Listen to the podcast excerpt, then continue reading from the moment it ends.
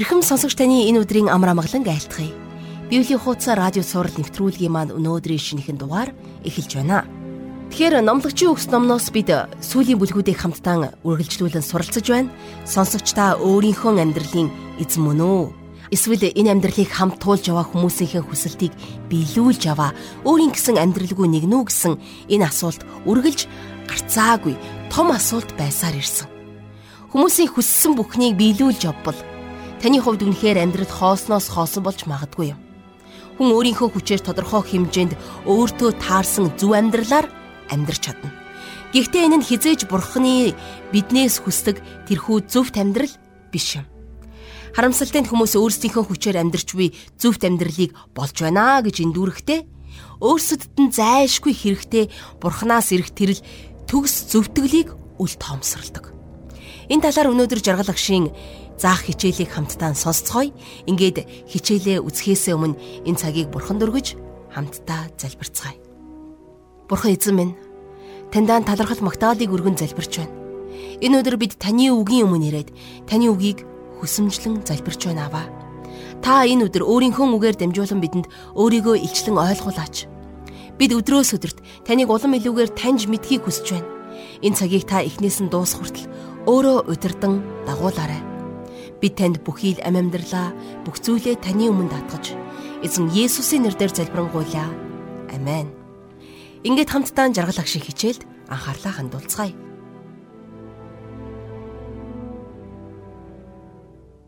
За Библийн номлогчийн үгс ном 12 бүлэгтэй. За өнөөдрийнхөө дугаараар бид энэ номынхон 10 дугаар бүлгээс үргэлжлүүлэн судлах болно.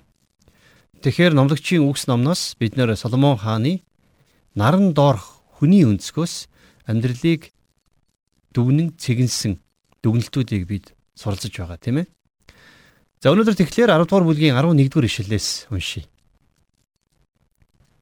Могоо ховсдохоос өмнө хаздаг бол ховсдох нь түүнд илүүдсэн юм. За тэгэхээр энэ ишлэлийг сайтар ойлгохын тулд эхлээд бид нэр ойрхот орнуудад наж могоог хөгжмөр ховсддаг тухай ойлгох хэрэгтэй болно. Дуулал номын 58-ийн 4-өөс 5 дугаар ишлэлдэр хэлэхдээ тэдэнд могоон хортой адил хор бий. Тэд чихээ бөглөдөг дүлийн наж могоотой адил юм. Ингэснээр тэд тарныг чадварлагаар уншигч шидтний дуу хоолойг сонсдгүй юм гэж хэлсэн байх юм. За бас Иремай номын 8-ын 17 дугаар ишлэл дээрээс бид нэр энэнтэй адилхан санааг олж харж болж байна. За энд юу гэж бичсэн байна уу гэхээр үзэгтэн би та нарын эсрэг могойнуудыг ямар ч ид шидгүй хорт могоонуудыг илгээж байгаа бөгөөд тэд та нарыг хатгах болно гэж эзэн тунхаглаж байна гэж Ирмая хэлсэн байна. Наж могоо бол их аюултай могоо. Та кино эсвэл хүүхэлдэйн кинон дээрээс шууданд хийсэн наж могоог нэгэн төрлийн үлээвэр хөгжмөөр хэрхэн ховсдож номхруулж байгааг удаадаар харсан байх тийм ээ.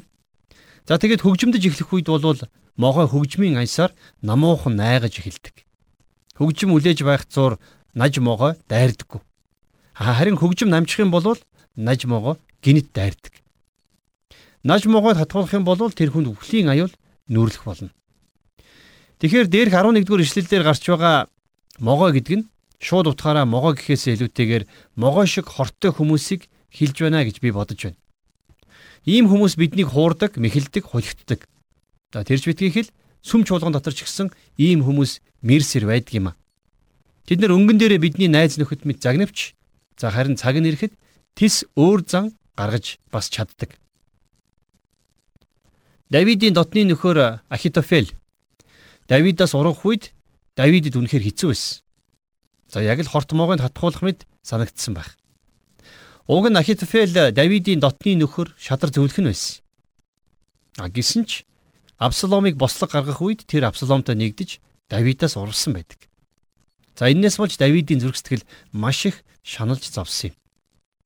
Абсаломын бослохын дараагаар Давид үнэхээр зовлон дунсан хүн болж хоцорсон байдаг шүү дээ. Тэгээд энэ үеийг хүртэл Давид хаан зөөрлүүлэх юм бол яг л босоо бөхшгөл байсан. За харин энэ бослохын дараагаар Давид хаан үнэхээр зовж шаналсан нэгэн болж хувирсан юм. Энэ бүхнийг тэрээр дуулалын 55 дугаар бүлэг дээр бүр сэтгэл зүрхээ уудлан бичсэн байдаг. Ийм зовлонд унаж болзошгүй учраас хүмүүс сэрэмжтэй байх ёстой гэдгийг Соломон энд хэлж байна. Хүмүүсийг хуурч, мэхэлж, өөрийнхөө төлөө ашиглаж байгаа хүмүүсийг бид нар бодит баримттайгаар илчилж, эсэргүүцэх ёстой. А гэхдээ ихэнх тохиолдолд ингэснээрээ бид нар өөрсдөө маш хатуу ширүүн дайралтын бай болон хувирдгаа гэдгээ мэдэх хэрэгтэй. 12 дугаар ишлэлдэр ухаанд мэрэгдийн амнаас гарах үг нь нэгүүлсэл мунхгийн уруул харин өөрийгөө залгих ажээ. За тэгэхээр мунхаг нэгний уруул энд битсэнчлэн өөрийгөө залгаа зогсохгүй. За бүр эргэн тойронд байгаа хүмүүсээ ч гэсэн залгидаг. Тийм учраас бид нар найз нөхдөө сонгохдоо ухаалаг сонголт хийж байх учиртай. Би залуу хүүхдүүдэд за тэр дундаа дөнгөж ихтэй сургуульд илсэн ороод байгаа оюутнуудад найз нөхдийгөө ухаалгаар сонгох хэрэгтэй гэдгийг үргэлж захидаг. Яагаад гэвэл хүмүүс ихэвчлэн оюутан ахуй найз нөхөдтэйгөө насан туршдаа нөхөрлөдөг юм. За бас оюутны ангийн найзууд дундаас гэр бүл болох тохиолдол цөөнгүй байдаг шүү дээ. Тийм учраас хинтээ нөхөрлөж, хинтээ нийлэх вэ гэдгээ их ухаалгаар бодож сонголтоо хийх хэрэгтэй. Найз нөхөд гэдэг бол хүний амьдрал тохиолдох бурхнаас ирсэн бэлэг байдаг. А гэхдээ хэрвээ найз нөхрөө буруу сонгох юм бол өөрийнхөө амьдралыг ч сүрүүлэх аюултай байдаг юм а гэдгийг бид нар мартаж болохгүй. Хүний амьдралд яг л хортмоогоо шиг аюултай хүмүүс зөндөө тохиолдно. Наж могог хөгжмөр ховстож байгаа цагт хатгадгүй шиг тийм хүмүүсийн арга ивийг олж байхгүй бол аюултай шүү гэж Соломон хаан зөвлөсөн байна. За энэ бол сайн зөвлөгөө. А гэхдээ энэ бол бурхны биш харин Соломон хааны зөвлөгөө гэдгийг санаарай. 13-аас 14 дугаар ишлэлдэр түүний ярианы эхлэл нь тэнэг байдаг бол төгсгөл нь балмад солиорл аж. Мунхаг нэгэн олон үхтэй юу болохыг хүн ис мэднэ. Түүний араас юу ирэхийг хин түүнд хилж шатах билээ гэсэн байна. Энэ бол үнэхээр үнэн үг шүү. Олон дунд үе үе ийм олон үгтэй бодлогогүй яриадаг хүмүүс таарч л байдаг. Ийм хүмүүс бусдын дургүйг хүргэж байгаагаа өөрөө ч мэддэг. Тэд нар өөрийнхөө үзэл бодлыг бусдад тулгаж ярьсаар за тэгээд эцэстээ бодлогогүй ярианаасаа болоод бусадтай муудалцаад дуустдаг. Бид нар бодхоос өмнө ярьдаг. Тархин ажиллаж дөнгөж эхэлж байхад нь ам нь яриад дуусч байдаг. Тийм хүмүүс байж болохгүй. Энэ бол яавч мунхаг хүний шинжим. 15 дугаар эшлэлдэр мунхаг хүн хотод хэрхэн хүрэхийг ч мэддгүй тул түүний зүтгэл өөрийг нь туйлдуулах ажээ. Хүний мунхаг байдал нь эргээд тэр хүнийг туйлдуулан ядрааж байдаг. Харамсалтай нь мунхаг хүн өөрөө ч энийгээ ухаардаггүй. Димийл муухарлан зүтгэсээр байдаг юм аа. За 16 дугаар эшлэлдэр Соломон ингэж бичсэн байна. Хаан нь балчир, ноёд нь өглөөж нь найрладаг гүрэн ээ хөөрхий гэсэн байна.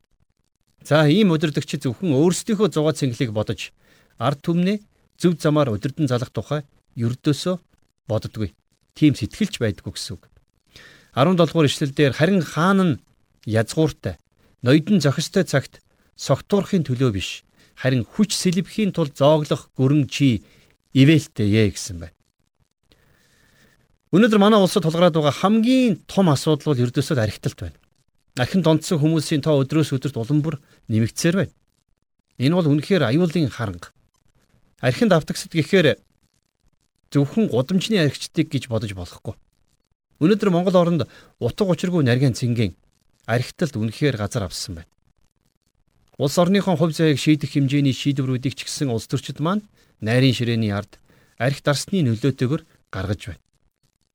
За тийм учраас хаан язгууртай ноёдон зохистой цагт согтуурахын төлөө биш харин хүч сэлбэхийн тулд зооглох гүрэн чи ивэлтэй гэж Соломон хааны хэлсэн энэ үг бол үнэхээр үнэн үг юм аа. За 18 дугаар ишлэлдэр залхуугийн дээвэр хотоож лазан гартны герт тусаал гоожно гэж. За энэ бол лазан залхуу байдлын үр дүн хэлж байна тийм ээ. Хэрвээ хүн ажил хөдөлмөрөөс татгалзах юм бол үр дүнд нь гэр орно нь үгүйрэн хоосорно. Энэ бол баталгаатай. За харамсалтай нь өнөөдөр монголчууд бид нэр залхууралд автаад байх шиг надад санагддаг. Хүн бүхэл амар хэлбэр аргаар мөнгө олохыг хичээж шаргуу хөдөлмөрөөрөө хөрөн мөг цуглуулахын оронд хээл хахуул ямар нэгэн шудраг биш байдлаар эд баялаг хураахыг хүсдэг болжээ. 19 дугаар ишлэлдэр хүмүүс найр хурмаар баяр баясгалан хийж дарсаар амьдралаа хөгжилтэй болгодогч гисэн мөнгө бүхний хариу ажээ гэсэн байна. За, эд хөрөнгөтэй хүмүүс амьдралдаа баяр хөөр утга учирыг ирж хайж янз бүрийн зүйлсийг хийдэг. А гэхдээ эцсийн дүндээ тэд нар бүгдээрээ л мөнгөнд л найдаж, мөнгөнд л бүх амьдралаа тавьж байна гэсэн үг. 20 дугаар эшлэлдэр хааныг бүү зүх бодолдооч тэр баян хүнийг бүү хараа унтлагын өрөөндөөч тэр учир нь тэнгэрийн шууд тэдэнд үг зөөхөн бий бөгөөд жигүүртэн ч хэргийг задлж мэднэ гэсэн байна. За хааныг битгий зүхээрэ гэж энд хэлсэн байна тийм ээ. Заримдаа ардчил нэрийн дор хүмүүс ерөнхийлөгчөө ерөнхий сайдаа хэл хэлэхгүйгээр буруутхан зүхэж байгаа сонсогддгоо. Ерөнхийлөгч ерөнхий сайд ямар ч хүн байлаа гэсэн бид нэр тэр хүнийг хараал зүхлийн бай болгох нь буруу гэж би хувьдаа боддгийн. Шинэ гэрээ номон дээр Илч Петр биднэрт хандаж Бурханаас имэ хааныг хүндэл гэж загсан байдгийг итгэгчид бид нар мартаж болохгүй. За яг энд хүрээд номдогчийн үгс номын маань 10 дугаар бүлэг өндөрлөж байна. Харин одоо бидний үргэлжлүүлэн үзэх 11 дугаар бүлэг дээр бид нар өөрсдийнхөө хүчээр сайныг үлдээд ёс суртахуунтай зөв сайхан амьдраад Энийгэ болж байна гэж итгээд тийм ээ. Тэгээд бурхнаас хол явдаг хүмүүсийн тухай үзэх болно. Тэд нар өөрсдийгөө бусдаас илүү зөв, илүү сайн үлгэр жишээ амьдралтай хүмүүс гэж эндүрэх үедээ өөрсдөд нь бурхан ямар их хэрэгтэй вэ гэдгийг огтхонч бодох сөгөөгүй байдаг. Хамтдаа 11 дугаар бүлгийг дэлгээд 1 дугаар ишлэгийг одоо уншийе. Талхаа усны гадаргуу дээр хай. Учир нь олон хоногийн хойно чи түүнийгэ буцааж олно шүү дээ. За тэгэхээр энд юу хэлж гэнэ үг гэхээр хэдийгээр шагналан тэр доороо ирэхгүй байж мэдгч гисэн бусдад сайныг үйлдэхэлсэ битгий зүрхшигэрээ гэсэн утгатай. 12 дугаар ишлэл дээр өөрт ногдсныг 7 юм уу 8 хуваа. Учир нь дэлхий дээр ямар гайхамшиг тохиолдохыг чи мэдэхгүй шүү дээ гэсэн байна. Тэгэхээр бусдад тусалж сайныг үлдэхдээ аль болох олон хүн туслах хэрэгтэй гэдгийг энд хэлсэн байна. Яагаад гэвэл хожим нь танд бусдын тусалцаа хэрэгтэй болох яг тэр цагт нэг биш нижгээд олон хүн танд туслах болно. За энэ тухай Лукийн 16 дугаар бүлэг дээр Есүс нэгэн сургаалт зөвлөлөөр ярьсан байдаг. Юу вэ гэхлээр нэгэн шудраг биш бол эзэнт нь өртөө хүмүүсийн үрийг багасгаж өгөөд өөртөө олон найз нөхөдтэй болсон тухай Есүс ярьсан байдаг тийм ээ. Эзэн нь тэрнийг ажлаас нь халах үед тэдгээр хүмүүс харин тэрэнд хариуг нь өгөх болно гэж хэлсэн байна. За 3 дугаар эшлэл дээр үйлс хуралдах аваас газар дээр хур болон буун мод өмнө ба хойд зүгт унваас унсан тэр газартаа үлдэж хоцормой гэсэн байна. Хэрвээ бороо орхно гэдгийг мэдэж байгаа бол гэрээсээ гарахдаа шүхрээ авч гарах хэрэгтэй.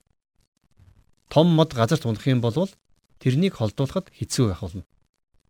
За тэгвэл Соломон яагаад ингэж хэлсэн юм бэ? Яагаад гэхлээр бид нар альва зүйлдээ орооцолтохоос өмнө за альва ажилд хутгалтахаас өмнө нөхцөл байдлыг сайдтар үнэлж дүгнэж тооцсон байх ёстой. За нэгэнт эхэлсэн хойно ямар нэгэн зүйлийг буцааж өөрчлөхөд хэцүү байдаг шүү дээ. Тийм учраас бид нар үргэлж бодолтой, ухаантай байх ёстой гэсэн үг. За дөрөвдүгээр эшлэлдэр Салхины аясыг харагч тариалж үл чадна. Үүл харуулдагч нэгэн хурааж үл чаднаа гэсэн байх юм. За мэдээж хийж байгаа бүхэндээ ухаалгаар хандах хэрэгтэй гэдгийг энд Соломон хэлж байна. Хэрвээ үр тариа тарих гэж байгаа бол салхихгүй болтол хүлээсэн дээр харин бороо орох гэж байхад ургац хураах нь ухаалаг шийдвэр бишээ гэдгийг хэлсэн байна. 5 дугаар ишлэл дээр жирэмсэн эмэгтэйн хөвлийдэх яснууд хэрхэн ам амьсгаатай болдгийг чи үл мэдхийн адил бүхнийг бүтээгч бурхны үйлсийг чи ис мэднэ. За тэгэхээр эхийн хөвлийд ураг хэрхэн бийжиж хүн болон өсч өндийдэг нь өнөөдрийн хүртэл тайлагдшгүй нууцуудын нэг хിവэр байсаар байна.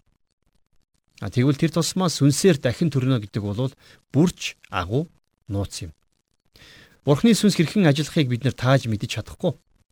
Есүс Иохны 3:8 дээр сүнсний тухай хэлэхдээ салхи дуртай газраараа үлээдэг. Чи дууг нь сонсовч салхийг хаанаас ирж хааш оддгийг мэддэггүй. Сүнснээс төрсөн хүн бүр үүнтэй адил байдгаа гэж альдсан байдаг. Үнэхээр та бидний мэдэхгүй зүйл дэндүү олон. А гэхдээ тэглээгээд мэдэхгүй зүйлээсээ болоод мэддэг зүйлээ үгүйсгэж болохгүй гэдгийг Соломон бидэнд энэ үгээр хэлж байгаа юм. За жишээ нь миний дэргэд нэг сандал байлаа гэж бодъё. За тэр сандал дээр хүсвэл хинч сууж болно. Сандал дээр сууж мэдэхгүй юм гэж байхгүй шүү дээ. А гэхдээ тэр сандлын талаар олон зүйлийг бол би мэдэхгүй. Тэр сандлыг хаана, хизээ, хэн үйлдвэрлэснийг би мэдэхгүй. За яг ямар ямар материалаар яаж яаж хийснийг нь ч би нарийн мэдэхгүй. Гэхдээ л тэр сандал дээр би сууж болно гэдгийг тэр сандал намайг даана гэдгийг би мэдэж байгаа. Тэгэл тэр. Тэгэхээр сандал дээр суугаад надад энэ мэдлэг л хангалттай. Тэгвэл яг энэтэй адилаар бид нар итгэлийн амьдрал дээр олон зүйлийг мэдэхгүй байж болох ч гэсэн түүнээс болоод мэддэг зүйлээ хийхгүй байна гэдэг бол өөрөө ухаалаг алхам биш юм аа. За 7-оос 8 дугаар ишлэгийг одоо уншийе. Нар ширтсэн нүдэнд гэрэл нь гоё агаад тааламжтай. Он жилийн уртад амьдрах аваас бүгдд нь хөгжилтэй байг.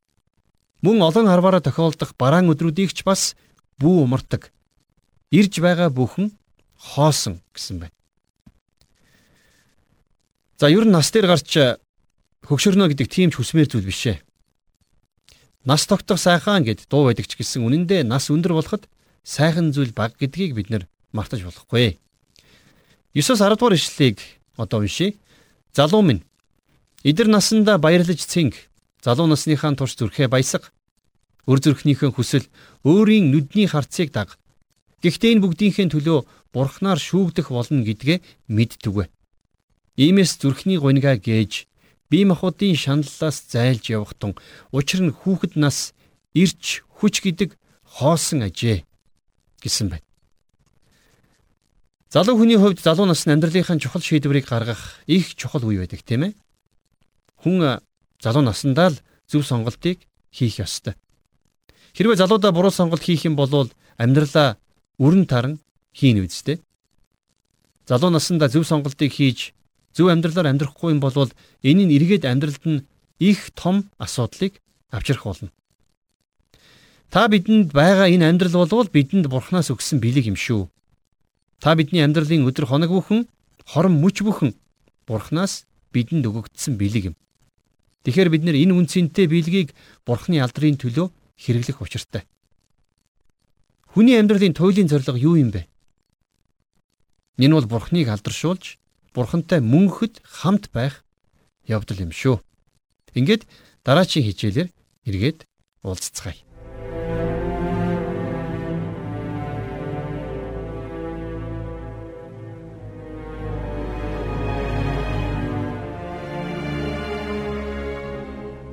Тэгэхээр амьдралын хамгийн гайхалтай үе бол залуу насаа гэж хүмүүс ярьдаг бол харин бурхан хүмүүний амьдралын бүхий л цаг мөч бол гарцаагүй үн цэнтэй эрхэм байдаа гэж сургаалдаа өгүүлсэн байдаг. Тэгэхээр эхийн хөвлөд байхаас эхлүүлэн үсэн буурал болох үеэ хүртэл амьдралын бүхий л он цаг үе үн цэнтэй байдаг тухай Библи бидэнд бичгэлэн үлдээсэн байдаг. Залуу насандаа бүтээгч эзэндээ талархаж зориулж амьдрахад суралцах хэрэгтэй. Үүний тулд хүүхэд байхад нь эцэг их нь бурхныг хэрхэн дагахыг зааж байх ёстой талаар сургаал төгс номоос бид хамтдаа сурсан байгаа. Тэгэхээр залуу нас хідэн ч насаар төгсгөл болсон ч бай. Хүн амьд байгаа үедээ утга учиртай байх боломж үргэлж та бидэнд байдаг. Олон Христэд итгэгчид хүний амьдрал урт богиндоо биш харин өргөн гүндэ байдаг юмаа гэдэг үгийг санаж авдаг. Тэгэхээр сонсогч таны хувьд та хэдэн настай ч байсан? Алдагдсан он жилүүдээ эсвэл улиран өнгөрсөн он жилүүдийг дурсахын оронд өнөөдрөөс эхлээд өөрийнхөө ирэх он жилүүдийг Бурхны өмнө зөв байлгаарай. Өнөөдөр хичээл энэ хүрээд өндөрлөж байна. Бид өнөөдөр номлогчийн өгс номын 10 дугаар бүлгийн 11-ээс 11 дугаар бүлгийн 10 дугаар ишлэлийг дуустал хамтдаа уншиж судлаа. Ингээд өнөөдөр сонсон суралцсан болгоныхоо төлөө Бурханд талархал өргөж залбирцгаая. Бурхан эзэн минь таньдаа талархал магтаалыг өргөе. Энэ өдрийн гайхамшигтай үгийн төлөө таньдаа үнэхээр чин сэтгэлээсээ талархаж байна. Үнэхээр итгэгч бид өдөр болгон таны үгийн дагуу амьдарч таны мэрэгэн ухаанаар амьдралаа удирдан амьдрахад бидэнд туслаарай. Та өөрийн ариун сүнсээрээ бидний амьдралыг удирдан дагуулж, биднийг таны төлөвлөгөөний дагуу амьдрахад бидэнд туслаарай. Ийхүү биднийг та бусдад ивэл өрөөл болсон итгэгчд болгон өөрчлөн шинчлээрэй. Их эзэн минь таньдаа өнөөдрөөс эхлэх он жилүүдэд таны моторт өргөж эзэн Есүсийн нэрээр залбирanгуйлаа. Амен.